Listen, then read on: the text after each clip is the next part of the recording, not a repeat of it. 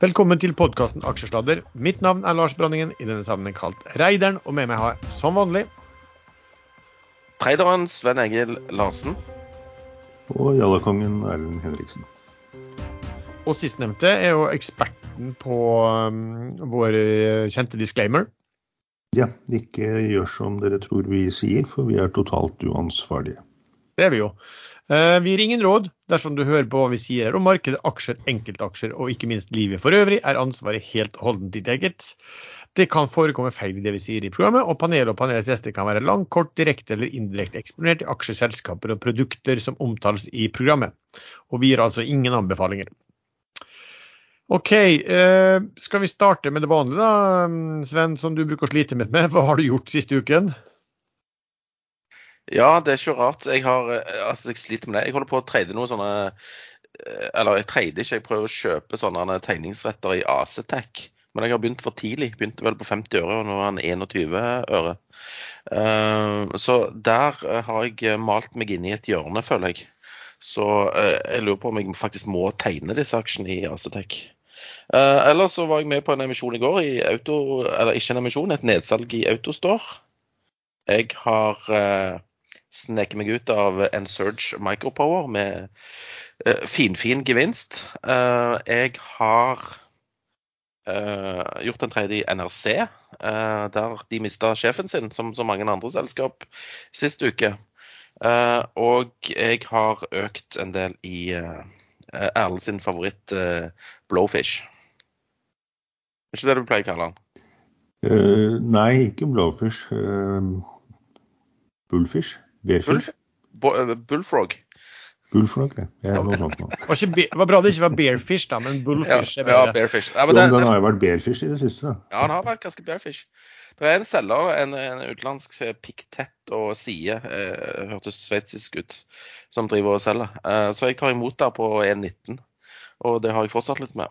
Ja. Eh, så har jeg tatt en posisjon i noe som heter Mintra Holding, som jeg har snakka dritt om tidligere. Jeg har òg gjort uh, kjøpt meg opp i Morrow Bank, Moba, som jeg ikke forsto helt hva var for noe, men det var jo gamle Komplettbank.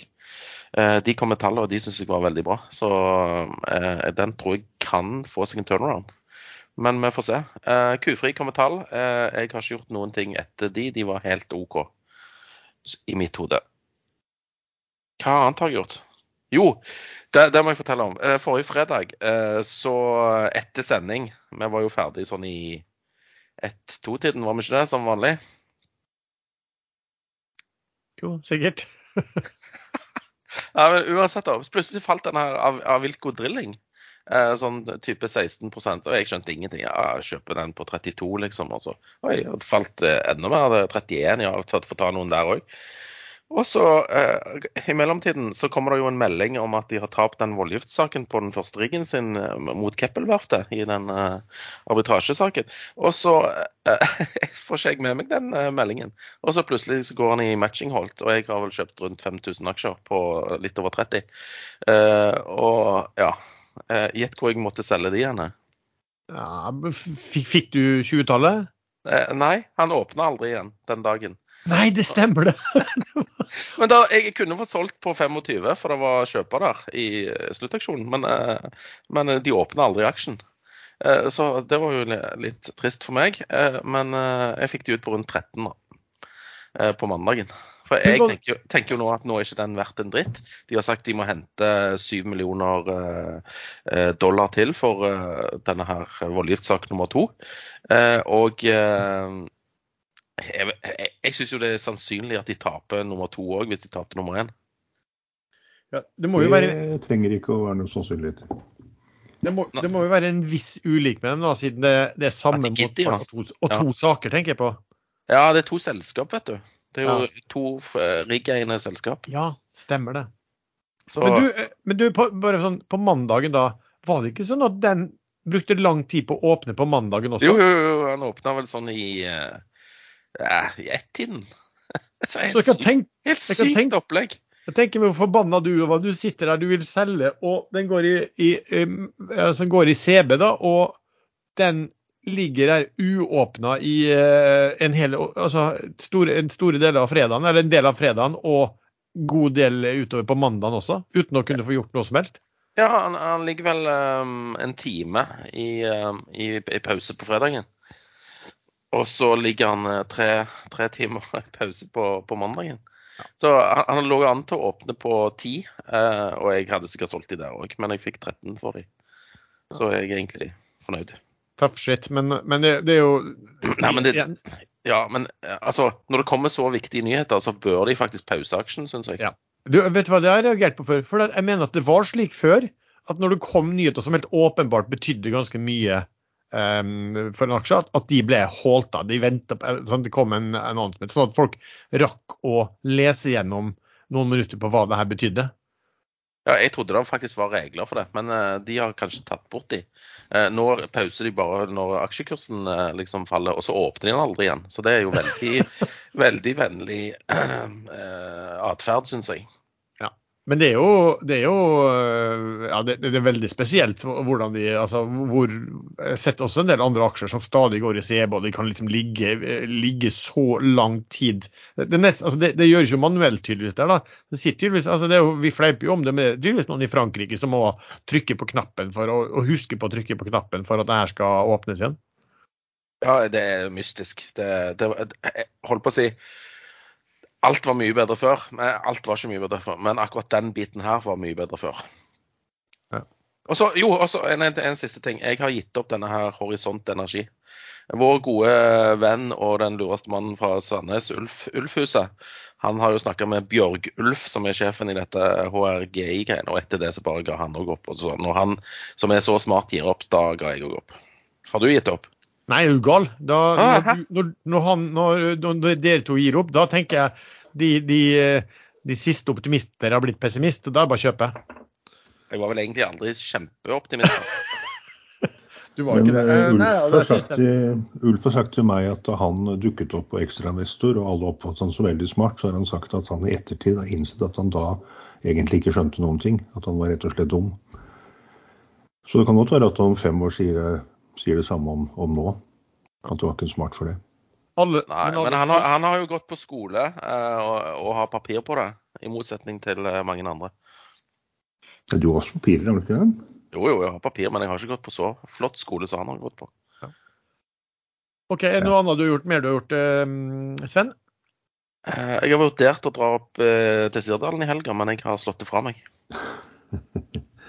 Er det for mye snø eller for lite snø? Nei, nei, nei det er OK med snø, men uh, han begynner jo å bli litt sånn uh, slush. Men uh, det er ikke det som er problemet. Problemet er at det, det, det, er for kaldt, rett og slett. Det var en fin varmeperiode i forrige uke når jeg var og spilte golf, som egentlig gikk ganske ræva. Starta bra, men jeg hadde jo ikke utholdenhet, så det, det avslutta veldig dårlig. utholdenhet på golf, liksom? ja.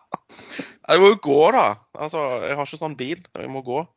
Det, jeg merker konsentrasjonen eh, svekkes et, etter hvert hull, liksom. Ja, kan du ikke sette en stol på den eh, robotklipperen din, da? jo, jeg vet ikke om han har den bæreevnen. Ja, eller du får ha lettere bag og mye færre køller. Bare ta en to-tre køller oppi, det går sikkert bra. det er bare, bare putter. Putte med driveren, vet du. Ja, det er sant. Okay, Nei, eh, ellers har jeg ikke gjort så mye. Erlend, hva har du holdt på med i uka? Eh, alt annet enn børs, egentlig. Det har vært veldig lite på børs. Så jeg har hodlet min ene US-aksje. Hodle betyr hold on for dear life, og i går gikk den eh, plutselig 35 så det var ikke så gærent. Og Da må du fortelle hva den heter, tror jeg. Å ja, den heter uh, SAPS. Det er, det er sånn bioteknologiselskap. De driver med behandlinger av influensa. Det begynte med covid, egentlig, men så er det influensa og, og multiresistente bakterier som de behandler med poly eh, flere løsninger i én medisin, og ikke bare mono, som de andre gjør. Så det, jeg tror faktisk at de kan jo bli ganske svære. Det er framtiden. Var, har du skifta taktikk litt, Erlend? Fordi at her kan du jo faktisk ganske mye om hva selskapet holder på med. Ofte er du jo litt, baserer du på andre ting uten å bry deg spesielt mye om det. Nei, jeg har egentlig gjort det jeg pleier å gjøre. Jeg kjøper først, og så leser jeg meg opp etterpå. på sånne... Jeg kjøpte jo den fordi den gikk veldig mye en, eh, på kort tid. Ja. Så den har gått 100 eh, to ganger. Den det var oppe i 1,50, nå er den på 0,80 nei, 0,90. Så planen er at den bare skal fortsette med disse 100% oppgangene sine fra toppen av siste oppgang. Det er planen. Så er det ikke alltid det slår til. Men jeg irriterer meg litt over at ikke jeg kjøpte topp i går. Da, da var den på 6 dollar-tallet, og så gikk den opp til, eh, til 20 dollar før, før, den stengte i går. Og nå er den på 110 dollar. Er dette en annen aksje? Ja, det er en annen aksje. Top Financial. Det er sånn asiatisk eh, et eller annet. Bare tull, tror jeg. OK. Uh, for min del har vært og tradet litt uh, ser jeg litt TGS. Jeg har tradet litt Nordic Semiconductors. Ikke noe spesielt der. Jeg har kjøpt noe Dolphin Drilling. Det ser ikke noe spesielt smart ut. Jeg har hadde vel litt solgt Offshore sist gang. Der har jeg solgt de aksjene. Men det ble ikke noe gevinst her. Det ble noen prosenter i tap der også. Eh, men det som har vært eh, greia i uken, har vel egentlig vært Ifi.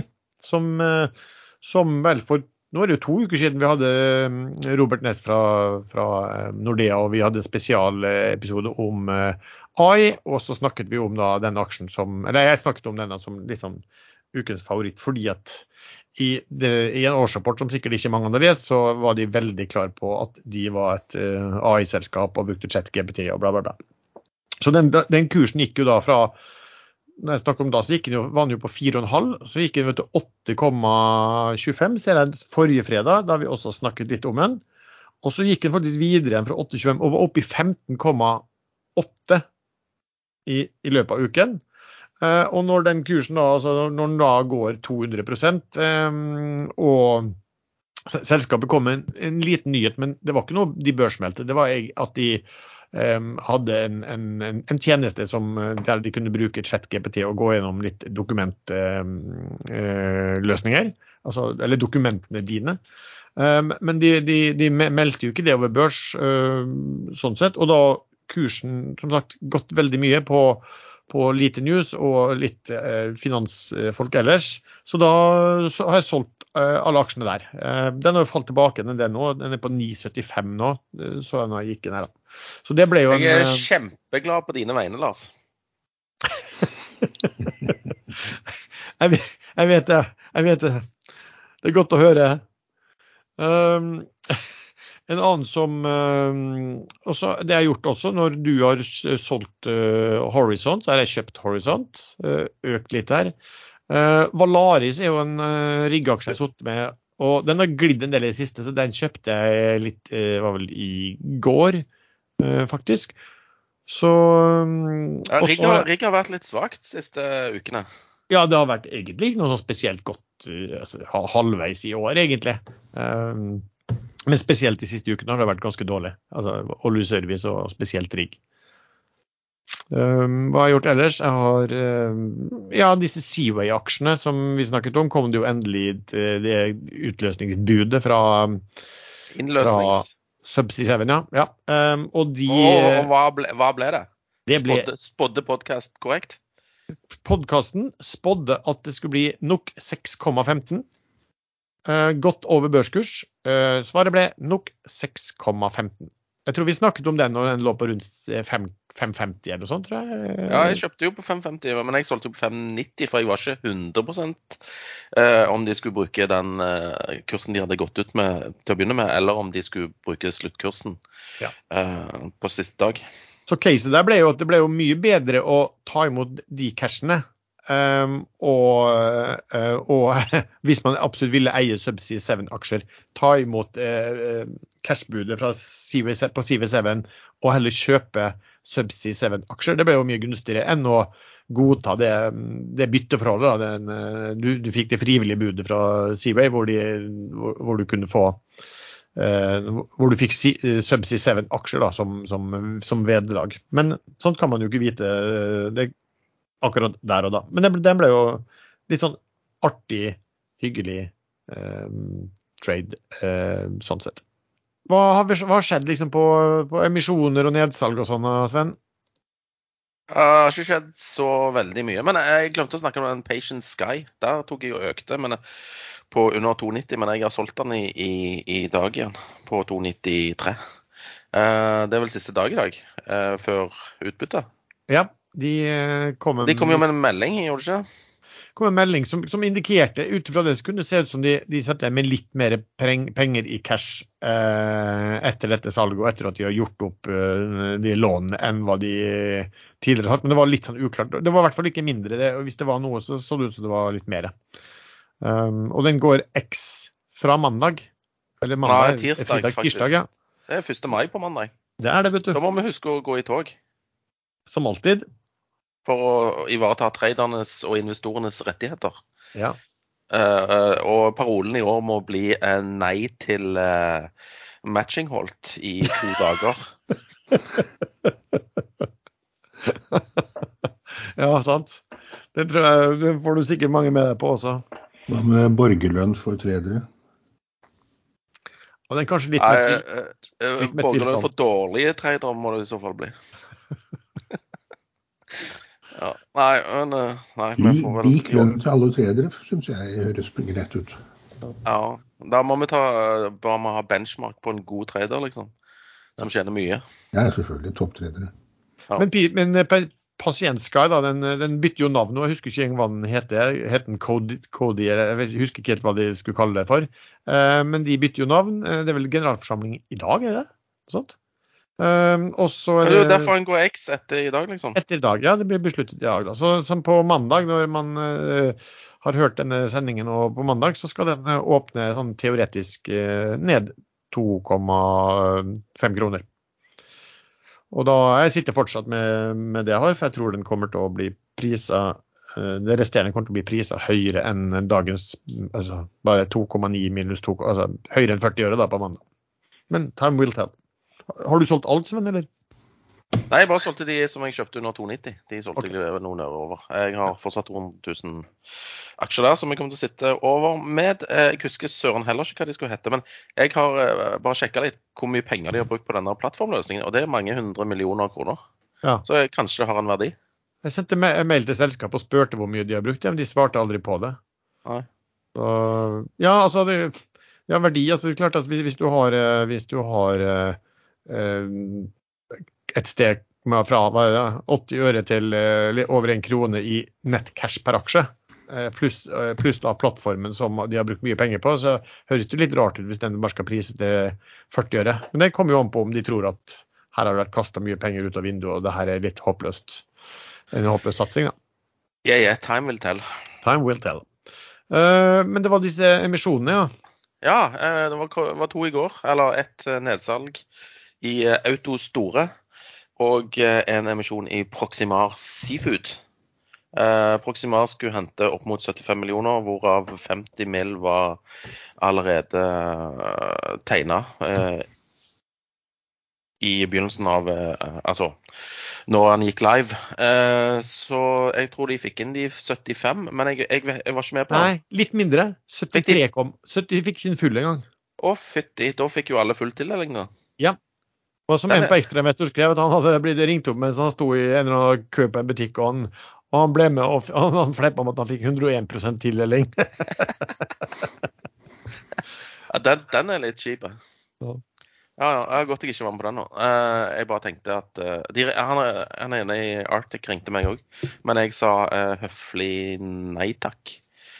Men jeg trodde jo han skulle bli bra, da, for han var så, han var så garantert uh, i begynnelsen. Men eh, Men, det, den, men den ble gjort på fem kroner, og det var altså en rabatt på 6 eh, siden sist omsatte. Og den er jo ned, nesten 12 i dag. Den er nede på 74. Så her har ikke vært noe bra å ta, ta i den emisjonen. Men fikk de aksjene seg umiddelbart? Det vet jeg ikke. Nei, det, det, det, Når jeg ikke er med på ting sjøl, liksom, så gidder jeg ikke liksom sette meg inn i det heller. Det er jo en, det er jo en uting. Ja, det kan jo være greit å vite hva Men det er sånn er det. Eh, hva flere har vi Uh, det var det nedsalget i, i Auto Store. Det ansatte i Autostore kunne i går innløse opsjoner og selge aksjer. Og det gjorde de til gangs. Ca. 16 millioner aksjer ble innløst, og 13,1 millioner ble solgt til kurs 23. Jeg var med, tegna for 100 000 euro, som med dagens eurokurs er jo eh, 15 millioner. Eh, og jeg fikk snart, snart 15 millioner med denne farta på kronekursvekkelse. Ja, kronekursen er jo straka veien rett i dass. Uh, nei da, det er rundt 1,2 millioner nå. Før var det 1 million. Nå det, begynner det å nærme seg 1,2. Ja. Uh, og jeg fikk 2000 aksjer tildelt av 23. Ja. Og uh, i, i, i all hurlumheien så klarte jeg å selge de på 22,40 tidligere i dag. Så jeg klarte faen meg å gå minus der. Jo, jo, men da var det jo greit at du fikk lite, da. Det var det jeg tenkte. han starta vel eh, altså, litt opp, og så gikk han under, og så klarte jeg å treffe nesten bånn ja, på salget mitt. For, for, de kom jo med tall eh, i går også, som kursen steg jo voldsomt i går. Så de, de, de solgte jo på Altså rabatt var det jo på, på um, kursslutt i, ja, men jeg lurer på om det var en liten sånn shortskvis i går eh, på de tallene, som var bedre enn venta.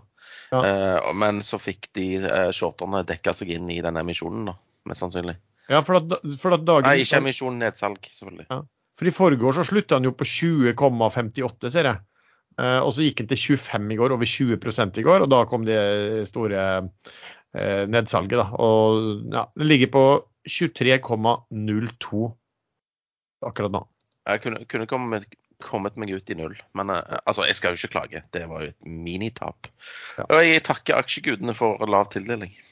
Ja. Um, har det vært ellers noe på emisjonssiden? Det har vel kommet noen melding om et selskap som uh, skal hente penger? Nei, det var en til emisjon som ble gjort over børs, børskurs gamle Skitude, Canopy uh, Holdings. Ja, stemmer. De gjorde emisjon på 40 øre, mens kursen lå på 30-øretallet. Jeg var ikke med der heller, så jeg vet ikke vilkårene. Nei, øh, og når du ser at de skal hente, hente, penger til over børskurs, så gidder du vel per definisjon altså, da, skal, da, skal, det være noe spesielt du må se etter, egentlig. For at du skal orke å være med på det. Og den ligger vel, jeg vet ikke hva den ligger nå, den Canopy. Den Syns vi så at den var under 40. Kan, ligger 31,9 mot 34,5 øre. Sist omsatt på 32,2 øre. Ja, og Hva du sa emisjonen var på igjen? Jeg, jeg sa 40 øre. Ja, OK. Så det å You do the math, liksom. Ja, ja, ja. Merkelige emisjoner, ikke sant. Den, ja, sånn merkelige emisjoner, det blir jeg sjelden med på. Det, da er det ugler i mosen. Ja. Uh, men det har jo kommet uh, En som har offentliggjort, det er jo eh, Bergen Bio. Som, den kjenner jo du godt til, Erlend, for den har du snakket mye om før. Også populært kalt Bergen Bingo. Bergen Bingo, ja. Der vi hadde kursmål på 1000 kroner. Det, ja. det høres jo litt gærent ut nå når kursen ligger på ett-tallet. Men det var ikke så helt galt den gangen jeg kom med det, for da hadde jo DNB og Arctic bud på kursmål på 400-600 kroner. Uten å ta med potensiell covid-vaksine, eller eh, ikke vaksine, men behandling. Men det ble det jo aldri noe av. 1,85 er kursen nå, så da er det litt et stykke opp til mitt gamle kursmål.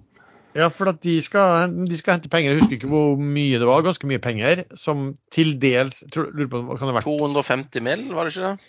Jo, og så tror jeg 175 mil var garantert av de 250, med garantiprovisjon på 12 da. Det er vel Antrol Moen, eller er det Ja, ja. Stor, stor, grad. Det er vel noen flere, tror jeg flere, men i hvert fall han i stor grad. Og så er det vel sånn at da eh, Prisen er ikke bestemt ennå, men den skal eh, tas av et snitt eh, på eh, kursen de siste tre dager før det her skal besluttes i en generalforsamling, og, det, og med rabatt på 37% eller noe sånt. Eller noe sånt, skal, noe sånt. Ja. Men uh, han har jo ikke gått til X ennå. Han går ikke X før etter den generalforsamlingen som bestemmer, bestemmer dette. Ja. Så det, ja, det er jo helt uh, horribel grusing av kurs. Men jeg, jeg kjøpte den på 1,70 i går, men jeg har solgt meg ut i dag. Ja. Det er jo noen som vil ha kommentert litt, da, for det har jo vært mye snakk om, om at det er lite fortrinnsretter. Men her er det jo en fortrinnsrett eh, som kommer. Men det er jo ikke sikkert aksjonærene blir så, blir så sykt glade. For at kursen er lovet på Han lå på fire kroner, unnskyld, for jeg så eh, før det 4,50 før de eh, kom med melding om at de skulle gjøre en sånn emisjon. Eh, og den er ned nå på 1,85. Ja, men alt, alt altså, Acetec også holder jo på med en fortrinnsretta emisjon her nå, på kurs 3. Og kursen var jo oppe i 10 når de annonserte dette. Og du får tegningsretta nå til 21 øre. Det betyr at du betaler 3,21 eh, kroner, da. Ja. Eh, ja, jeg vet ikke om det heller var måten å gjøre det på. Nei, Øh, det er ikke Nei. eh, no, no, noen ganger er kanskje best for aksjonærer at det ikke gjøres fortrinn. Men altså, er det ikke, er det ikke interesse i markedet for, for den type aksjer, så, så er det jo ikke interesse heller. Det er jo noen ting der òg. Altså, disse Altermus har vel òg signalisert at de må hente noen penger.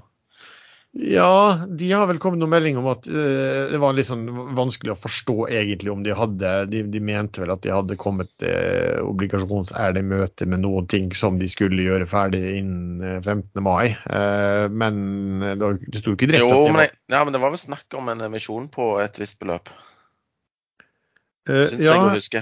Ja, men og det var vel Jeg husker ikke hva det var. Var det på 14 millioner euro? Det var sånn diskusjon om det også, hvor mye det måtte være. For de signaliserte vel at de skulle refinansiere noen ting, og, og holdt på også å selge disse solparkene. Så der er det også vilt usikkert hva er reelle priser. Men, eh, ja, så har, men så har du kommet, endelig kommet da, i handel en emisjon som eh, vi har vært med på, Sven. Sven. nå For noe jo lenge siden vi, vi tegna oss den, i Ensu, som ble gjort emisjon på på, eh, på eh, Hva er det? Per aksje.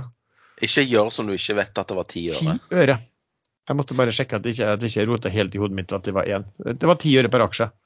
Eh, og den handles jo nå opp på ja, 15 øre akkurat nå, så det er jo 50 opp fra eh, emisjonskursen. Eh, hva, hva, har du, hva har du gjort der? Jeg var vel eh, bortimot den første som solgte som når det kunne selges. Eh, Og jeg solgte ut de siste i dag. Ja, Så du er ferdig?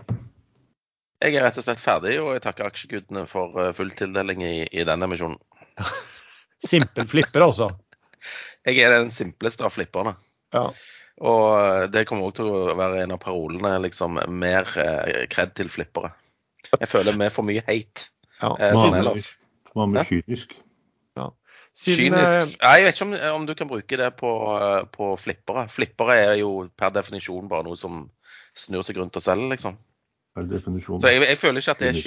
kynisk. Det er- blir som smør på fisk, egentlig. Ja. Ja. Men, men siden du kalte deg selv da, den kyniske av eh, flipperne, så kan jeg få ta, får jeg ta den andreplassen da, som nest, nest, nei, nest simplest. Du var vel litt tregere ut av startblokkene, som vanlig. Ja da, jeg var nok det ja, enn en, en deg. sånn sett. Men eh, det er litt sånn altså, Den her er jo helt umulig å vite hva eh, verdien er. klart, Og så får du liksom eh, 50-60 over, eh, over emisjonskurs eh, med en gang, liksom, så er jo det ja, det, er jo, det er jo fristende å ta de pengene og løpe hjem, eh, løpe, løpe hjem med.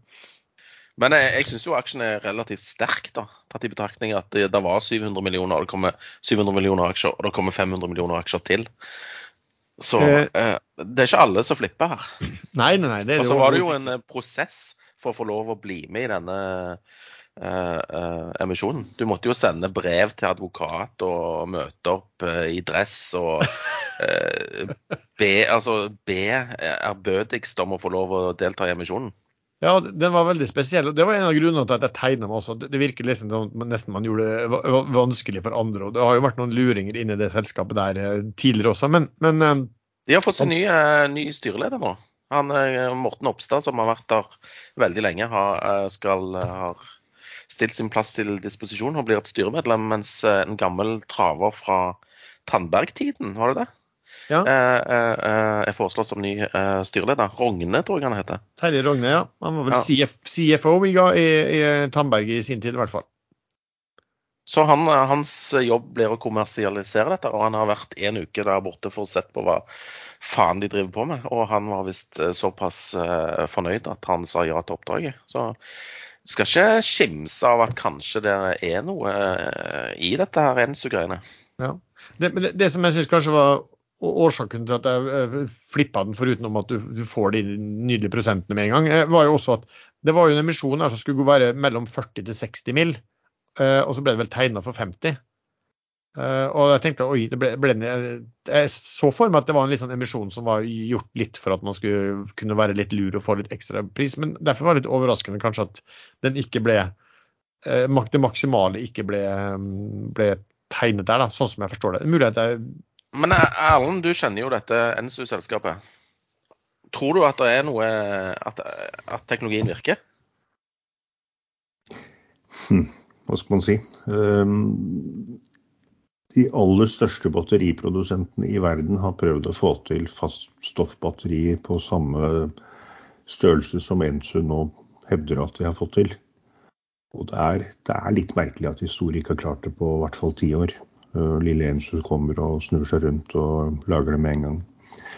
Eh, Litt merkelig, eh, men hvis man går litt videre, hvis de får det til, så, så tror jeg ikke man skal være 100% sikker på at dagens aksjonærer i norske Ensu blir de som blir tilgodesett. For Ensu har et datterselskap i USA hvor alt, dette, alt av verdi ligger under, og der har de også snakket om å hente inn penger. Og de er jo kjent for å være litt smålure, de som eh, Robert Keat og den andre gjengen som står bak Ensu. Så hva hvis de plutselig henter inn penger den veien, går inn der selv og ender opp som de som stikker av med, med indrefileten? Men nå er det jo bra for selskapet at han eh, Rogne går inn, vil jeg tro. da, det, det var litt sånn, det var jo eh, Artikkelen i Finansavisen det var litt sånn, Han, skulle, han har gjort litt sånn due diligence og, og skulle gå inn som styreleder hvis generalforsamlingen ville. Men det var vel også basert på at han skulle få en eller annen pakke på opsjoner eller noe. Han, etter det jeg forsto Finansavisen, så eide han jo ingen aksjer i selskapet ennå. Han ville bare uh, han ville bare rett til det. så han skulle vel kunne jobbe en del ekstra da, og hvis det ble noe, så kunne han eh, tiltre de opsjonene. Eller om det, var, om det var fra selskapet, eller om det var noen deal han har gjort med noen store aksjonærer, større aksjonærer, det, det vet jeg rett og slett ikke. Jeg tror det er han ene togrøveren som har trukket i noen tråder her. Ja, det, det, det er det nok. Um, Morten Opstad har jo vært med Keat siden eh, før, eh, eller i hvert fall siden Opticom, så nå er han ute, eller skal ut. Nei, han skal bare bli vanlig styremedlem, Ja, så han er ikke helt ute. um, vi har jo fått uh, bud på uh, Oslo Børs i løpet av uken, og det er en vi har snakket om uh, tidligere også. Uh, disse, dette engelske oppkjøpsfondet la inn et bud på Lumi-gruppen. Uh, fikk du med deg det, Sven?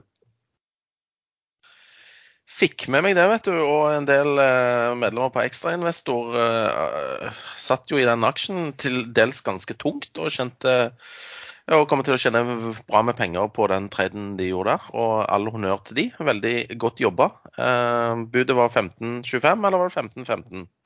Uh, jeg tror det var 1525. Og kursen var eh, Forrige emisjon, hvor disse engelskmennene deltok, var 10.50. Ja. Så der skulle vi Eller jeg hadde jo flippa, jo. Jeg hadde jo flippa. Så, ja, så eh, bare ta det videre, du. Nei, det er jo ikke så mye mer enn å si eh, om det at eh, det kanskje lå i kortene, men at det var også mange som var sånn litt, litt redd for det skolemarkedet med alt det som eh, har kommet ut fra, fra regjeringen og, og nye endringer også. Og så var det vel også mente at det ble også postet at uh, i fjor så var det sånn at uh, man forklarte at det var spesielt lave søknader til, eh, til høyere utdannelse fordi at Man hadde hatt covid og man hadde ikke hatt eksamener. og På eksamener så går man gjerne ned i, ned i karakter. Og at det kunne være en, en årsak til at altså mange under covid slapp disse eksamenene. Men hvis jeg er riktig informert, hvert fall, så var det en som posta på Ekstrainvestor at men i år var det faktisk enda lavere uh, søknad. sånn sett. Så jeg tror kanskje folk har vært litt sånn redde. Men, men de som har vært inne der, som, som vi kjenner godt, som er med ekstrainvestor eh, det har vært i mange år, og som var tungt inne, de har jo gjort en god, eh, en god vurdering, åpenbart, på, på både selskap og på sannsynligheten, ikke minst, da, for at eh, det skulle komme et bud der. Men lå ikke kursen mye høyere da de begynte å ta postene sine? Nei, eh, altså det her Lumi gikk vel altså på eh, Hvis jeg husker det var en som sa til meg, han mente at den, den, de IPO-en var rundt 50 kroner der. Lumi, Og så gjorde de som da var PE-selskap da et sånt nedsalg. De solgte masse til bl.a. Ja, blant annet Pareto-fond og litt sånt annet på eh, på 40 kroner. Og så kom jo da meldingen om at eh, eh, det var så ekstremt mye lavere eh, søknader. Det kom jo da i, i fjor. Eh, og da På grunn av covid, og så eh, nå etter covid så kommer det enda mindre. Ja, det kan se sånn ut, da. Men de har jo andre ting de holder på å sette i gang, da, Lumi også. Eh, Men i alle fall så, så da falt jo kursen brutalt. Den hadde vel falt godt nedover fra før av, men da, da falt den brutalt. Så, så jeg vet ikke når, når de som nå fra, I hvert fall de fra Ekstremester og Arne og Andreas og ja, når de eh, begynte å kjøpe, men, men eh, de kjøpte helt sikkert eh, starta å kjøpe eh, langt under 15, og, og har vel også akkumulert ganske mye siden den gangen. Så, så de har nok noen eh, riktig eh, fete prosenter på det. Sikkert en 60-80 et eller annet sånt eh, på det. Det som var litt kult, var jo at de kalte selskapet Vi ønsker styreplass AS. eh, Og de kjøpte aksjer i, eh, i eh, Lumi. Og så eh, hadde jo valgkomiteen innstilt på at eh, Arne Kvale skulle inn som styremedlem eh, i, i Lumi. Og da fikk disse engelskmennene fart på seg, for de skulle eh, faen ikke ha han inn i styret, virker det som. Nei, altså jeg sa det, eh, skrevet til Arne og flere, at liksom det første gang jeg har sett noen være så desperat for å unngå et styremedlem at de, at de legger Kjøp, bud. kjøpe dritten og ta det av børs. Ja, men faen det har jo med at, at uh, altså Arne Kvale, som mange kanskje kjenner også fra solgt.no, som eh, han, og det var han og Shafi som, som, som eide dette selskapet, som de omdøpte til Vi som ønsker styreplass. Altså Det som skjedde en gang, var jo med kostnader, er jo at eh, Arne dro jo en kveld, jeg tror det var en fredagskveld, så dro han til et av disse skolene og oppdaget at eh, Og det var jo da strømmen var så dyr. Og oppdaget at her sto jo lysene fullt på. Eh, og sendte vel melding om det til, ledelsen, liksom. Og ledelsen svarte at nei, nei, de, de besparte dette her. Og så sendte han vel bare bilde til dem, da. fra, fra nattlig inspeksjon, liksom. Så, Det er sånn hands on eh, ja. Jeg så- men jeg så forresten, det var jo generalforsamling jo, da. Og disse, dette hedgefondet var, var nok ikke så, så glad i. For det ble jo nedstemt at han skulle inn i styret også. Så, Så gikk var- imot egen valgkomité. Hæ? Nei, jeg er litt usikker på om valgkomiteen innstilte på det, eller hvordan det var. Men det kan jo være for at de anser at dette kommer de til å få komme i mål med. At da, er det ikke vits å få en andre i en kortere periode i, eh, i styret, siden, siden styret har anbefalt budet. Men, men altså, de skal jo gjennomføres, da. Og det jo, kommer jo til å være noen forbehold om hvor mye de skal ha tilslag på. Og det er jo ikke sikkert at eh, ikke sikkert at aksjonærene er fornøyd med 15,25. På ingen måte. Altså, Pareto-fond og disse her ligger jo og har jo en, en, en eh, kostpris som er langt, langt over dette her. Så vi får se. Makro, Sven. Har det skjedd noe spesielt der eh, siste uke? Ja, det har det helt sikkert. Uh, men jeg har vært så opptatt med aksjetrading at jeg ikke har bedt meg så mye uh, merke i makroen. Men det som skjer, skjer føler jeg, og jeg følger jo litt med det, er at, eh, er at BNP kommer inn lavere enn venta, både i USA og her i Europa. eh, mens inflasjonen òg faller. Eh, og faller litt mer enn en venta, virker det som.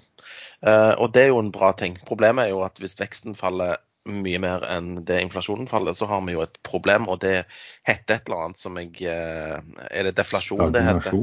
Stagflasjon. Stagflasjon, ja. Det, Stagnasjon. det er ikke bra. Eh, BNP i USA kom inn på rundt 1, og var vel venta 1,9, var det det? Mm, 1,9. Uh, og uh, Europa kom inn 1,4, var vel venta 1,5. Så de eh, skuffa ikke så veldig mye. Eh, inflasjonen, eh, som sagt, eh, litt under forventningene. Men fortsatt på rundt 4-5 I USA så var vel kanskje inflasjonen litt høyere enn venta. Eh, Men eh, det er vel fortsatt litt sånn at det- det er litt sprikende tall. OK tall alt i alt. Og så litt sånn sprik mellom at det som går på industri og varesektoren eh, ser svakere ut, mens tjenestesektoren ser eh, bedre ut. Og det er vel Ja. kanskje litt, litt det man ser av tall òg. Du så det i tallene fra Yara i dag, og, og Hydro òg, egentlig. Det er jo ganske kraftig ned. Ja. Og det er vel marginfall som, eh, som, som det var, jeg var litt redd for i, eh, i forkant av Q1, når du spurte hva jeg forventer liksom, av, av regnskapstall. Så forventer jeg vel egentlig at, eh, at marginene krymper. Ja. Det samme skjedde vel med Eller Nordic Semiconductor kom jo med tall som ble veldig dårlig mottatt. Og, og der òg, men der, der, de skylder på etterspørsel, rett og slett. Wafer etter eller, Så det, det er tydelig altså, at medisinen har begynt å virke.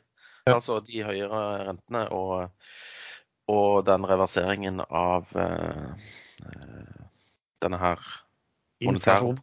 Nei, nei, uh, reverseringen av uh, pengetrykkingen. Ja, ja. Quantitative tightening, ja. Ja, det var det. Men da, men da, så, så, men da hvis det begynner å virke, så er det spørsmål på hvor mye faller veksten kontra hvor mye faller inflasjonen. Ja. Og hvor mye faller den norske krona i forhold til andre valuti? Ja, Hvor blir det å dra til utlandet, liksom? Nei, altså, liksom, nei, jeg tegner for 100 000 euro. Ja, det blir 15 millioner, takk. Ja. Da, da har det gått for langt. Um, men altså, du har jo sett sånn Big Tech da, som gjør det bra også. Uh, Microsoft f.eks. kom jo med noen uh, knallbra tall. Uh, uh, og i går så kommer Amazon, som, som jeg etter det jeg forsto først ble tatt imot med jubel. Uh, På sterke tall helt til de hadde en conference call hvor han CFO-en s- snakket om litt lavere etterspørsel. uh, De hadde sett innenfor var det cloud-biten eller et eller annet, som gjorde at da falt den og kom, gikk vel i minus til slutt da, i, i sånn after hours. Uh, og så har det jo vært en del uh, toppsjefer, da. Sjefer som har gått uh, fra selskapet i uken som gikk. Toppsjefen i Norske Skog, toppsjefen i NRC Group, toppsjefen i Prosafe og CFO i Nordic Mining. Er det noen av de som eh, liksom er oppsiktsvekkende slash grunn til eh, bekymring? Um, nei, jeg vet søren, jeg. Men uh, f.eks. NRC. Der gjorde jeg en trade i går og kjøpte på 1060. Og aksjen var ned eh, kraftig på at sjefen gikk over til et eh, større selskap. Så han fikk rett og slett bare en bedre jobb, et tilbud om en bedre jobb, og takka ja. Eh, altså, og aksjen liksom ned 10 Jeg, jeg forstår ikke helt uh, rasjonalet der, da. Hvis han Nei, da ikke var veldig, ansett som veldig flink, men ser du på aksjekursen, så har han jo ikke vært særlig flink. Nei. Men hvis du hadde tenkt, da, da tenkte du sånn rasjonelt at du hvis, han hadde, hvis det hadde vært meldt, men det ikke hadde vært meldt hvor han skulle gå, og sånn, så hadde det kanskje vært litt annerledes, men at han bare slutta. Men siden han åpenbart hadde fått seg med, hadde en, en ny jobb å gå til som var bedre, så er jo det, trenger jo ikke bety noe som helst. Nei, jeg, jeg følte ikke det var det som gjorde utslaget her. Det er jo marginer i den NRC-bedriften som er problemet her, og spesielt i Sverige. Ja. Eh, så kanskje han ikke har gjort en god nok jobb. Kanskje det er bedre å få en ny sjef, tenkte jeg. Ja. Ombudstvedt i Norske Skog, han fikk jo åpenbart eh, fyken Han- av eh, han fikk fyken. styret. Men eh, hva var det de skrev i DN? Eh, det, eh, han er eh, Ja. eh, næringslivets svar på Bent Leikvoll. Så du aldri ble kvitt, liksom. Dukke opp igjen på nytt Ja. på nytt i Nei, Norske Skog. kom- Vent når uh, Norske Skog har gått konkurs en gang til her nå, så gjett hvem som kommer og blir ny sjef. Ja, for, for det var jo sånn at Forrige gangen da Norsk Skog gikk konk, så hadde jo han vært toppsjef og kommet med en del rare uttalelser og solgte alle aksjene sine. Og, og gikk vel over til å begynne å øh, Hvis jeg ikke husker helt feil, så gikk han over til å begynne å jobbe sammen med långiverne. Eh, Ja, han, er, han er amerikansk eh, pokerspilleren. Oceanwood, ja. Ja, også, og Oceanwood var jo da som gikk inn og ble storeier i Norske Skog. Og de solgte seg jo ned nå, eller solgte seg ut faktisk, gjorde de ikke det? Um, på kurs på 60-tallet, eh, helt nylig, til, eh, mens alle meglerhusene eh, jublet over at den kursen var superlav, og alle skulle ha den tresifret godt over 100. Men siden det så har den jo bare så har den jo sklidd en, helt, en hel del ned. altså den falt jo på, ned på under 50 i går. Jeg vet ikke hva den er i akkurat i dag. Jeg mener at den var litt, litt opp før i dag. Så, Nei, det, det er en aksje jeg ikke følger med på. Men jeg så de var på nyhetene òg i år. Der har gått et sånn jordras som hadde pløyd rett inn i denne saugbruksfabrikken.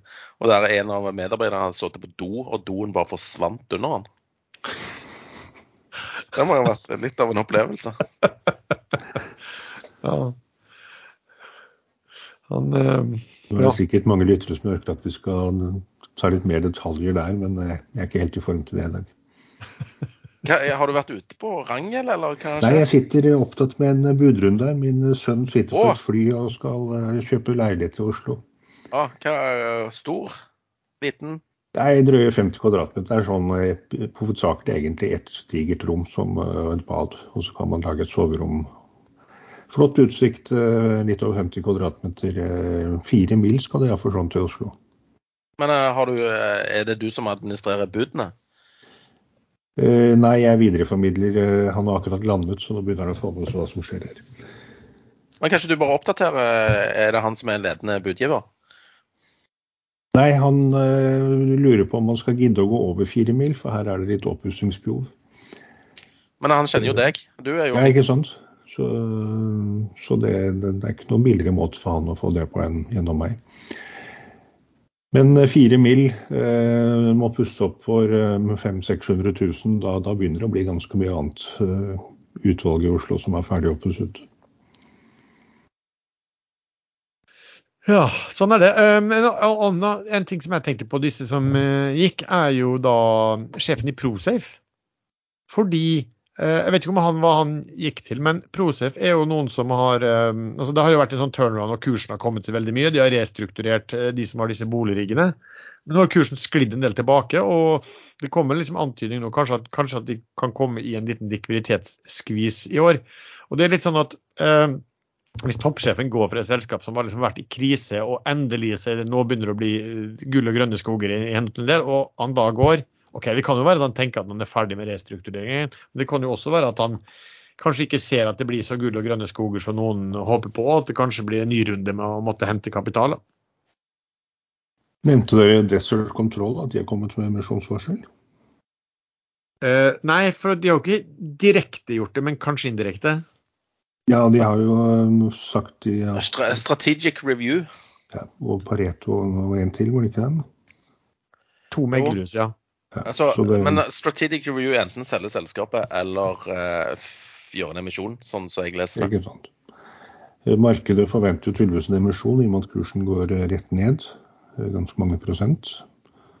Eh, Men det kan jo selvfølgelig ende opp med at det blir solgt òg, men da er det jo Da er det ikke riktig måte å gå ut og varsle noe som markedet tolker en som en emisjon, for da vil jo kursen gå ned og budet sannsynligvis bli lavere. Ja. Ned 20% nå. Altså Ofte når du kommer med sånn strategic review, og, og, og hvis det er basert på interesse fra andre, så bruker man jo ofte å skrive det. Um, Ja, ikke sant. så Her så man jo på Ensu, de gikk ut med det samme da kursen eh, hadde falt fra to kroner til 50 øre, vel, og da falt den videre til, eh, til 12-13-14 øre. Har ikke du sagt at uh, ting som faller til, fra 1 krone skal til 50 øre, eller faller til 1 krone skal til 50 øre, og når de faller til 50 øre, så skal de til 10 øre? Jo. Og det ser jo ut til å stemme i den nå. Det stemmer nesten alltid. Se på Skatek, da den falt under 100 kroner, så skal den til 50 kroner. Den har ikke vært helt nede der ennå, men det er ikke langt unna. Det er, eh, det er noe psykologisk som skjer når du runder eh, nedover, oppover for så vidt òg, rundetall. Da, da virker det neste runde tallet som en magnet. Desert Control er jo da Den har falt altså fra i går eh, var den på 11,56 og er falt til 9,25 akkurat nå. De er priset til en, ja, 380 millioner kroner på, på børsen. Så, men Jeg vet ikke hvordan det står an, hvor mye kapital de må hente og sånn. Men det er klart, å varsle sånt da, før de eventuelt må hente kapital, eh, ikke sant? Det, det bruker jo ender bare med at kursen sklir en del. og så skal man begynne å hente kapital, og da skal man eh, igjen ha rabatt på den siste aksjekursen for at folk skal være med. Så ja. Vi får se. Ja, de skulle heller tatt kontakt med deg, da. Så, så kunne du gjort sånn som du gjorde i Eifi. Eller vi gjorde i Eifi, da. Jeg fikk jo ikke noe ut av det. Men uh, Eifi fikk jo noe ut av det, og du fikk jo noe ut av det. Ja, men det var vanskelig å si at de, at de er AI, da. Ja, Du kan ikke bare gå fast i den AI-greia. Du må jo selge drømmen om grønne marker og grønne, grønne enger i ørkenen. Ja. Ørken, ørkenifisering. Jeg, jeg lærte et nytt ord i dag. Ørkenifisering. jeg sitter, jeg sitter vel og tenker kanskje at den der, å selge den grønne drømmen er litt sånn, har vært død ganske lenge. Ja, men jeg, jeg mener, de gjør jo ørken om til grønt. Altså, eh, altså eh, sånn gress og fint og sånn. Ja, ja. Jeg, Jeg tenkte ikke sånn grønn, sånn grønn, grønn, grønnmaling. Nei. Men eh, hvis det funker, så er det jo eh, en drøm. Da er det jo kjempebra. Men eh, jeg syns det var veldig defensivt, det de kom med i dag, da. Så jeg ble litt skeptisk. Ja, enig det. Altså, det, det. Hvis det funker Det er jo, det er jo, også, det er jo sånn som De meldte jo noe sånn samarbeid i USA i går, var det vel? Og så kommer de med det, dette i dag. Ja, hvis, hvis de ikke kom med det der samarbeidet, kom de det før, eller kom de med det etter? De kom med det etter. Først så meldte de det. Og så, det var et eller annet med at de, at de ekspanderte et uh, uh, de annonserte en strategisk kommersiell pilot med en uh, aktør. da. Ja, jeg, jeg, tolker det som kanskje litt at man prøver å ta luven litt fra den andre uheldige, uheldige meldingen. Da. Men, men sånn for verdenssamfunnet, så alle oss, så burde jo et sånt altså Hvis disse får, får dette her til, så hadde jo det vært uh, storveis, egentlig. Kan, ja, når vi var da inne på, på AI, Eh, så kan jeg jo først nevne at eh, det som kom der som var en sånn produktivitetstest, det er vel også MIT og Stanford som sammen hadde gjort en undersøkelse og latt eh, Det var et stort amerikansk som Fortune 500-selskap som hadde fått brukt, brukt sånn chat-GPT-lignende produkter eller tjenester i ett år. Um, og da, Siden de har brukt i ett år, og den vanlige ChatGPT ikke ble lansert før i november i år, så, så, er det jo med litt dårligere eh, produkter. Da. Men det viser seg vel at produktiviteten generelt sett, uh, og da jeg tror vi kanskje de snakka mye på kundeservice, økte med 13 uh, Mens det for de som var regna for de svakeste, uh, økte med 35% Så det var, det var vel egentlig den første sånn, sånn, hva skulle du si i, i, ordentlig testa i, den virkelige verden gjorde. Men så kom jo, har Tangen i dag vært, i oljefondet vært ute med noe, eh, noen utspill også rundt AI. Erlend, har du fått det med hva han eh, har snakket om? Nei, Jeg så over overskriften, men det, er jo blitt det vanlige i dag at ut fra overskriften så kan man diskutere alt av veldig klare meninger. Han vil at uh, selskap uh, som oljefondet investerer i skal ha klare retningslinjer på hvordan og rundt AI, hvordan de investerer og hva de ikke gjør. Kanskje spesielt. Uh, jeg syns det virker ut fra overskriftene spesielt at sjefen for et norsk oljefond skal blande seg inn i hvordan, hvordan verden skal regulere AI. Det blir litt sånn som Kristelig, Kristelig Folkeparti, som ville, ville ha fargefjernsyn, men kanskje én farge om gangen den gangen det ble vedtatt. Litt bakstreversk. Ja. Men han Tangen har jo da klokketro på hva som skal skje eh, innenfor AI. Og han har jo hatt en del eh, altså, kjente folk i denne podkasten sin også, blant toppsjefen i Nvidia og Bill Gates, som begge har lovprist dette her. Så, så det er jo ikke så rart at de som enorm investor i en rekke selskap eh, vil være interessert i hvordan selskapene skal eh, bruke dette her. Eh, men det, det, han også sier, er at han ber regjeringen i hele verden om å innføre statlig regulering. Eh, og med klare etiske retningslinjer hvordan eh, det skal gjøres. da. Det, jeg vet ikke hvor, hvor, hvor lett det blir å, å få til. Da. Men det er jo mange som mener at her må vi ha en eller annen form for for regulering.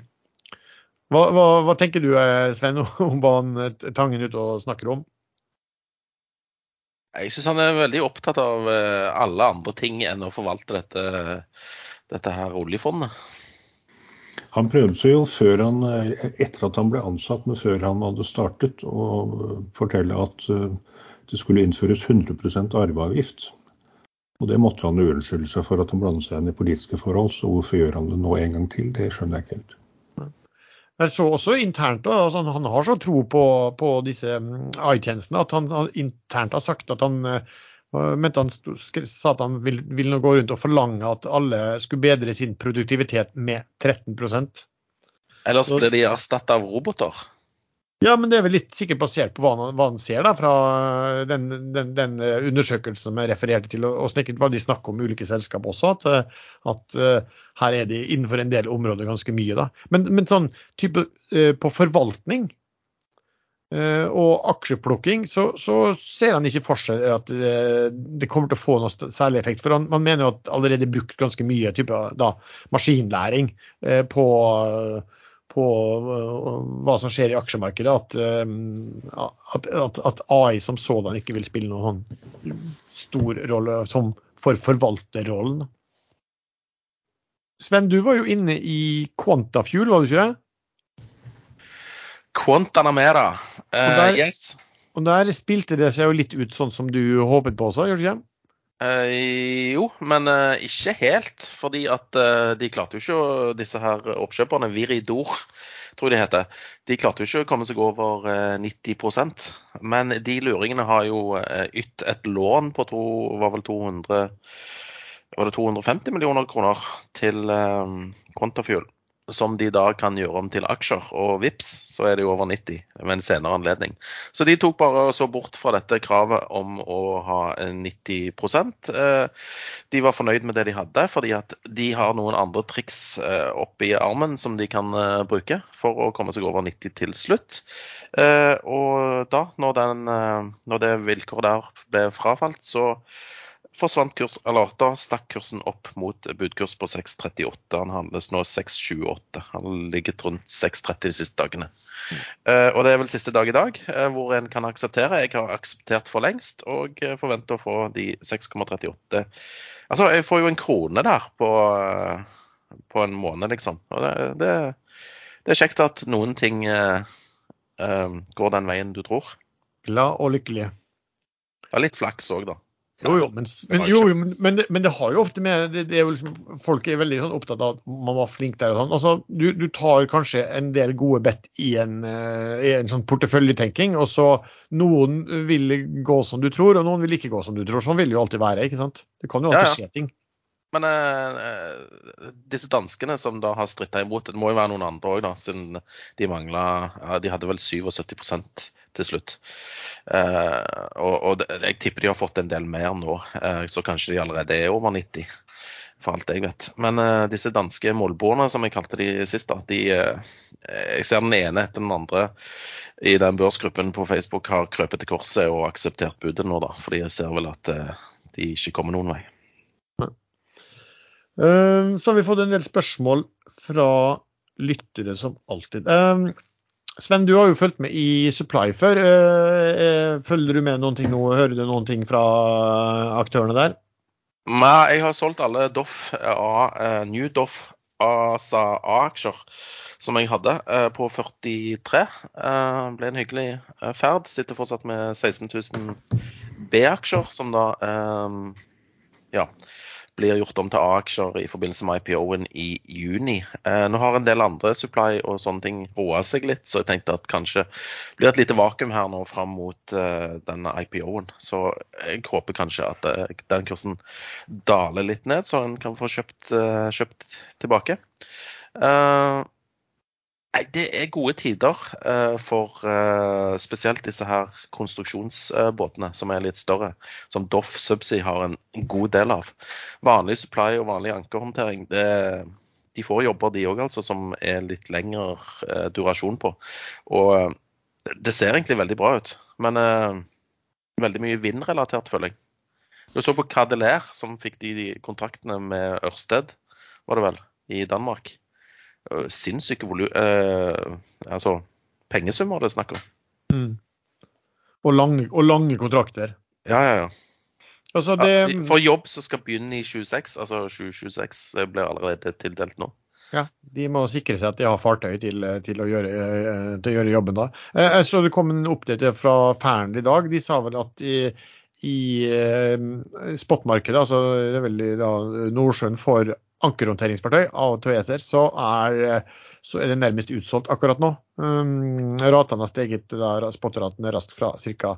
300 000 dagen til 1 million kroner per dag. Og så sa- de at også i PSV-markedet så er tilgjengeligheten på båter for korte jobber akkurat nå vanskelig. Men, men det vi ser da, det, nå snakker vi om spotmarkedet, og Det vi har sett der er jo at det, det, volatiliteten i det er enormt stort. så Noen ganger har det vært veldig høyt, og så detter det veldig, er det veldig lavt igjen i noen uker, og så går det høyt igjen. da. Så, men de fleste syns vel at det markedet ser, ser sterkt ut, selv om en del av de aktørene på børsen har fått ganske mye juling i det siste. Jo, men jeg, jeg føler at inntjeningen kommer i kontraktsmarkedet, ikke i spotten. Eh, og jeg bør vel gjerne ta en telefon til min favorittskipsmegler her, eh, så jeg har klar noen eh, svar til deg eh, eh, neste sending. Jepp, det er bra. Eh, Rigda, Sven. Følger, gjør du noe der? Nei, jeg har ikke gjort uh, noen ting der, så vidt jeg husker. Uh, jeg så disse Sadness, eh, altså Shelf Drilling North Sea, fikk jeg vel en kontakt på 270 dager med Equinor i Nordsjøen til en god rate. Men uh, riggaksjen har, som jeg sa litt i tidligere i sendingen, vært svake siste ukene. Men jeg lurer på om det har litt med den oljeprisen òg, som har falt fra midt 80-tall til under, under 80. Ja. du det kan ha en sammenheng der. Og så har det jo gått veldig bra, så kanskje en del har tatt, tatt gevinst, rett og slett. Kanskje en liten pause før videre oppgang. Men slu- slutningene av kontrakter uh, i, i, i riggmarkedet er jo veldig bra fortsatt. Her står, kom det forresten melding nå om at uh, generalforsamling i Patient Sky er avholdt, og alle, alt ble, mm, det ble stemt eh, som foreslått. Så da er det, da er det penger, penger på bok. eh. Jeg, jeg ser det kommer ikke noe utbytte. Det er tilbakebetaling av eh, tidligere innbetalt kapital. Det er i så form de gjør det, ja. Det er jo enda bedre. Sånn skattemessig sett. Mm.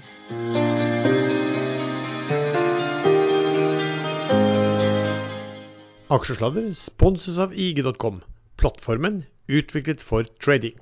Og nå ekspanderer de deres produkttilbud med bull- og bear-sertifikater. Disse er utstedt av Societe General, men handles i IG sin plattform, hvilken gjør din trading enklere. Bull- og beige-sertifikatene er helt uten kurtasje og kan handles mellom klokken 08.00 og 22.00. Les mer og åpne en konto for børshandlede produkter på ig.com, eller last ned IG-appen. Mulighetene venter på deg, men husk at trading involverer en høy risiko.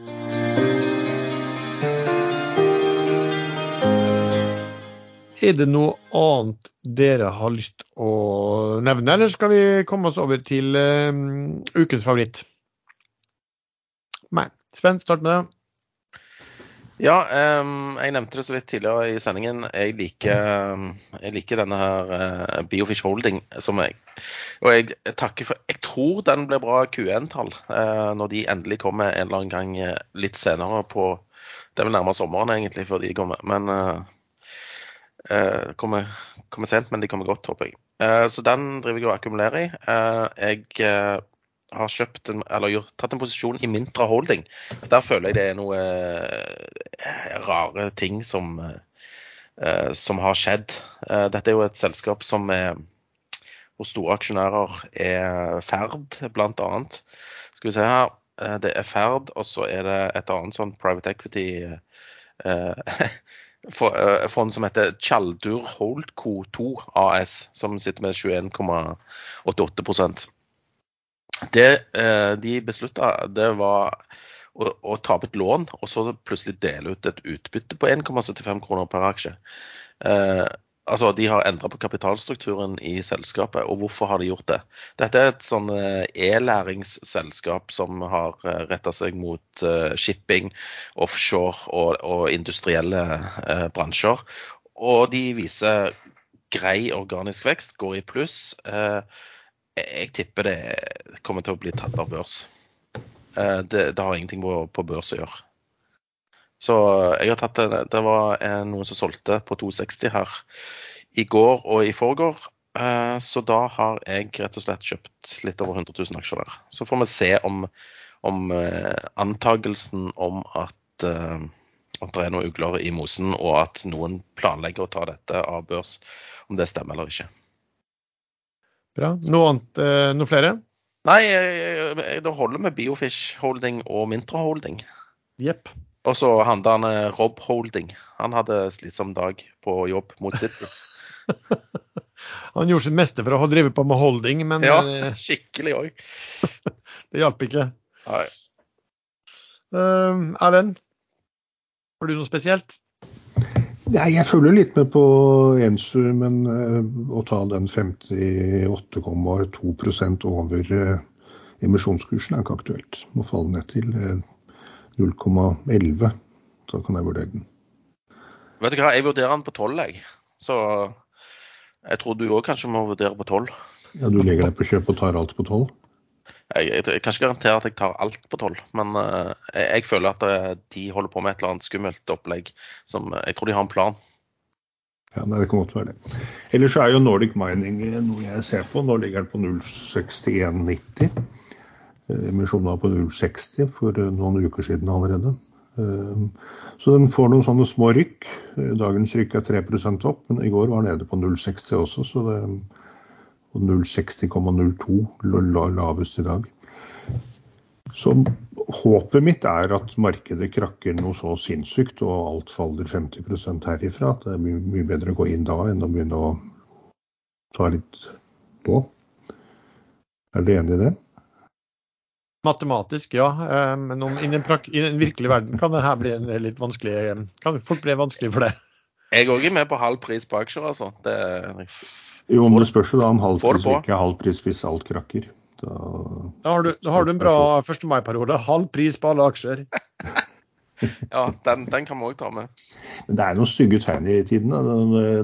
Lokalbanken i USA de var åpenbart ikke ferdig med konkurser og overtakelse fra myndighetene, så nå er det First Republic som ligger for tur. Eh, den har gått kraftig ned i kurs, og man regner med at myndighetene når som helst går inn og overtar. Men problemet er de, de underliggende. Én ting er at rentene har steget, og derfor har de lange posisjonene de har tatt, de har bokføringsteknisk falt i verdi.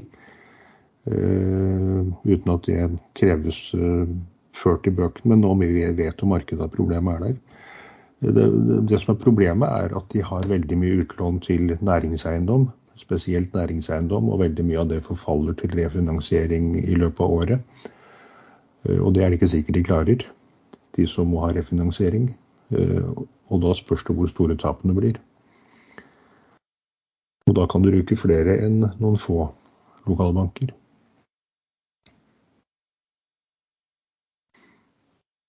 Ja, så du, eh, du, du kjøper ikke noen av de akkurat nå? Nei, nå er det da med Amerika åpenbart, eller verdens børsmarked åpenbart klart å ta imot både Suisse og tre-fire amerikanske lokalbanker. Men hvis det plutselig blir mange flere, hva da? Hvor store ringvirkninger kan dette få? Hva med Deutsche Bank, hvor lenge overlever de?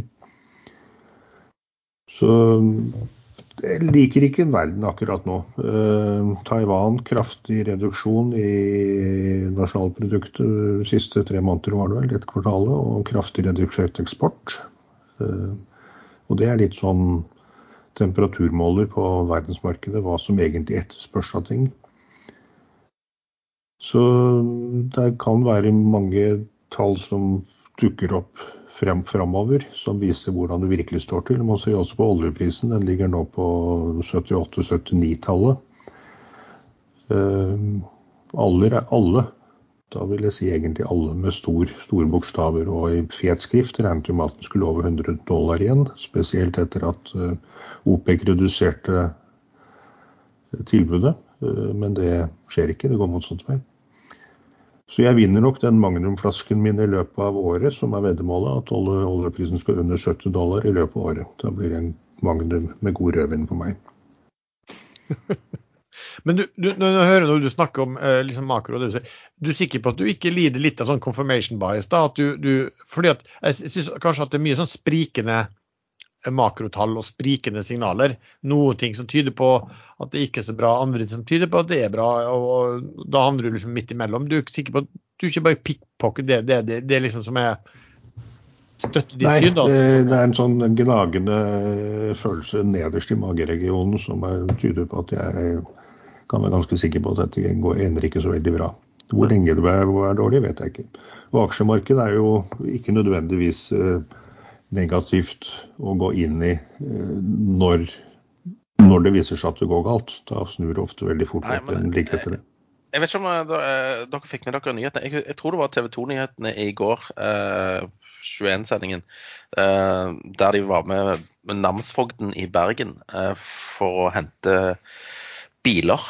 Altså Mislighold av billån har skutt ja. i taket den siste Og det er i Norge. Norge da kan man tenke seg hvordan det er i resten av verden. Når jeg var ute i går og sa at de eh, nordmenn hadde spart opp 250 milliarder kroner under koronakrisen, og nå er det 200 milliarder av det er fremdeles igjen på kontoer. Så bufferen er ganske stor i Norge. Allikevel så øker inkassokrav kraftig. Konkurser øker kraftig. Og det er ikke Norge som sliter mest i verden. Nei, men det, det, er jo, men det, det er sånne tall dere tar opp som, som er litt sånn interessante. Det kommer en del ting, og så tenker du bare Når du får en del andre makrotall, så tenker du liksom Men hvor dukker de tingene her opp egentlig? For da ser du liksom ikke noe spor til de på en måte. Så, så er det liksom bare litt isolerte ting, og at andre områder er sterke, og det tar litt hver ut hverandre. Eller liksom, er det noen, noen ting vi ennå ikke, som er på gang, men som vi ennå ikke ser i de tallene? Ja, nå var jo Det store håpet var jo at Kina skulle virkelig ta av når de åpnet opp igjen, men det har jo ikke skjedd. Uh, hvorfor gjør de ikke det? Nei, det kan jo være at det ser dårligere ut der enn hva, enn, enn, enn, hva man har trodd. Det, altså, du, du, kan jo tenke at Det kan være at OPEC har litt eh, altså, man, man, mente jo at det var veldig politisk, eh, dette, eh, dette kuttet de gjorde. Men det kan jo også være fordi at de ser at den etterspørselen kanskje ikke er så sterk som Eh, man, mange ellers hadde trodd. da. Jeg tror det ligger der. Um, og så viser det seg jo også at USA har jo ikke nådd peak oljeproduksjonen i det hele tatt. Man regner med at uh, siste jeg leste i går fra Bloomberg, var at de regnet med først i 2030 så vil Permian nå peak, og da vil produksjonen være 40 høyere enn nå. Uh, så det, det, er mange sprikende tall i forventninger òg. En av forklaringene var at det er, det kom, de har begynt å tjene penger der borte. Eh, med høy oljepris så har de nå tjent nok penger over tid eh, til at mange av de store ønsker å kjøpe opp mange av de små. Eh, og de små er da ikke dummere enn de, de skjønner at hvis de investerer mindre en periode og har færre rigger i drift, landrigger i drift, så vil tallene se bedre ut, og prisen ved salg vil bli bedre.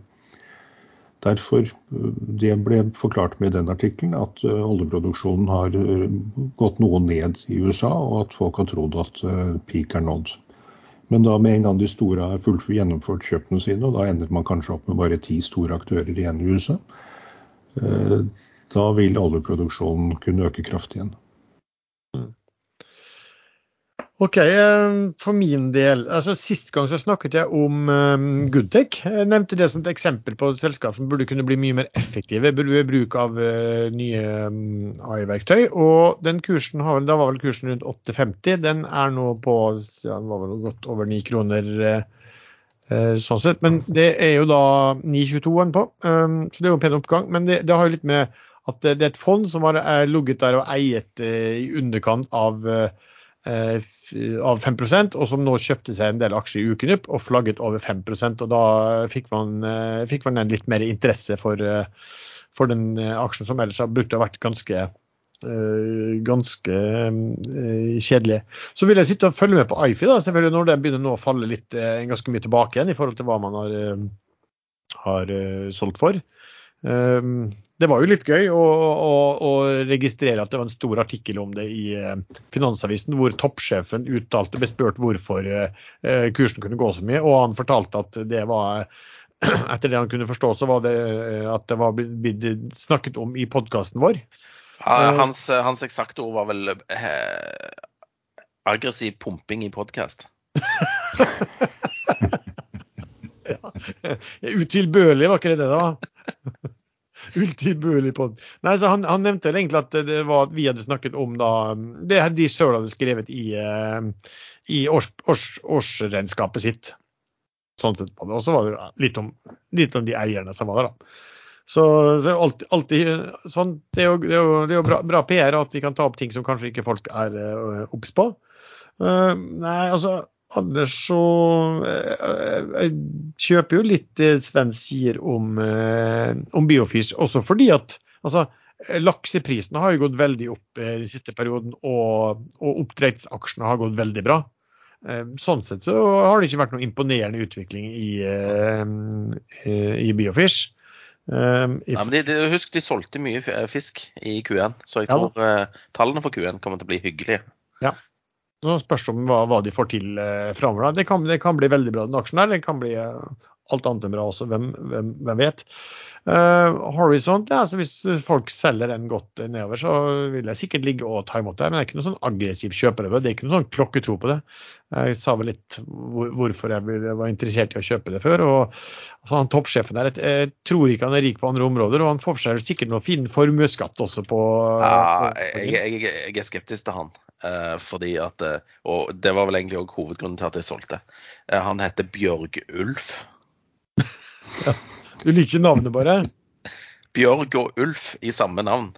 Er han da dame eller mann? nå, nå, nå er du Hvor gammel er du, Sven? Jeg bikker 50, ja. Ja, det, det, det, dette høres ut som en kommentar han sikkert kunne få første dagen på skolen av en eller annen en, i klassen som ikke var helt der. Ja, enten er vi på sånn gammel mann-nivå, eller så er vi på barneklassenivå her. Ja, jeg beklager. Eh, var, jeg skal ikke gå på et personangrep på Det er jo ikke hans feil, det er jo foreldrene som er fucka. Ja. Vi får se. Altså um, ja, eh, hva de måtte komme. De kommer med, med en slags nyhet som var børsmeld i uken. En, en, eller annen ny satsing som, som vel, Men det var litt sånn utspill, forsto jeg, for at eh, også prøve å få med flere på med på Kanskje på den der Bergen Blues-satsingen og sånn. altså PT er ikke så godt å si hva som blir av, av, noe de holder på med. Uh, det, det, jeg sitter og ser på nå, er jo da um, Hafnia, som um, som er jo eid eh, gjennom eh, på mange måter store deler av året og i fjor også, og som var, har vært kjempefin, eh, kom meg ut på en veldig bra nivå. der. Den har falt en del tilbake nå, under 57 akkurat nå. Er, men så er det jo sånn at akkurat nå så sklir vel disse produkttankratene en del sånn i spotten, i hvert fall i de siste dagene. Så kanskje man skal, kanskje jeg vil se en sånn stabilisering der, da. fordi shipping, der kan det fort snu. Eh, og du vil ikke sitte og kjøpe på, eh, på, på, på, gamle rater hvis de nye ratene plutselig er blitt mye, mye, lavere. Så Den står i hvert fall veldig høyt oppe på listen min nå på, over ting som man kan, jeg kan vurdere å kjøpe. Også fordi den er såpass likvid at går det feil, så kan du også, kommer du opp ut eh, eh, veldig fort hvis du ikke har de helt store pengene. Og så som sagt plukka litt, litt rigg, plukka litt eh, Valaris. Jeg tror de kommer med tall nå neste uke som ikke trenger å være så bra, fordi at de, de har en tendens til å falle knytta til tall på, på, en ledelse som alltid skal være litt vel eh, forsiktig i forhold til hva alle de andre sier. Men kanskje, de, det, kanskje det skjer noe annet denne gangen. Vi får se. Uh, OK. Hva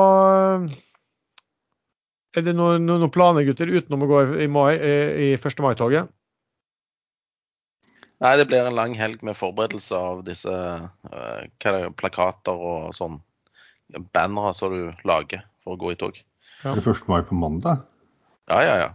Men da har vi ikke eh, børs på mandag, da. Ja, du, kan, handle, du kan handle, handle, i USA. Det er jo der du pleier å holde deg for tiden. Ja, jeg, jeg er en del der nå. Vi er fremdeles midt i budrunder, da. Det... Og, og det går bra?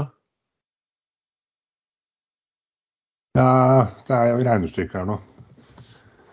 Det, skal man kjøpe ferdig oppusset eller uh, pusse opp selv? Om vi er uh, utsikt uh, i tiende etasje vært i forhold til nullutsikt i akkurat samme hus uh, i andre etasje? Nei, forskjellen, forskjellen er åtte. Så du ganger med 0,8. Altså den er 20% mindre verdt enn i andre etasje. Er det et tall du har hørt om? Nei, jeg fant på det nå. og med det så takker så mye til dere som har lyttet til denne episoden. Du treffer stadig oss tre chattene inne på Ekstrainvestor. Vi har også en stor gruppe på Facebook som heter podkasten Aksjeladder. Musikken er som vanlig laget av sjazz.com. Husk på å stille opp i 1. mai-toget, og vi høres.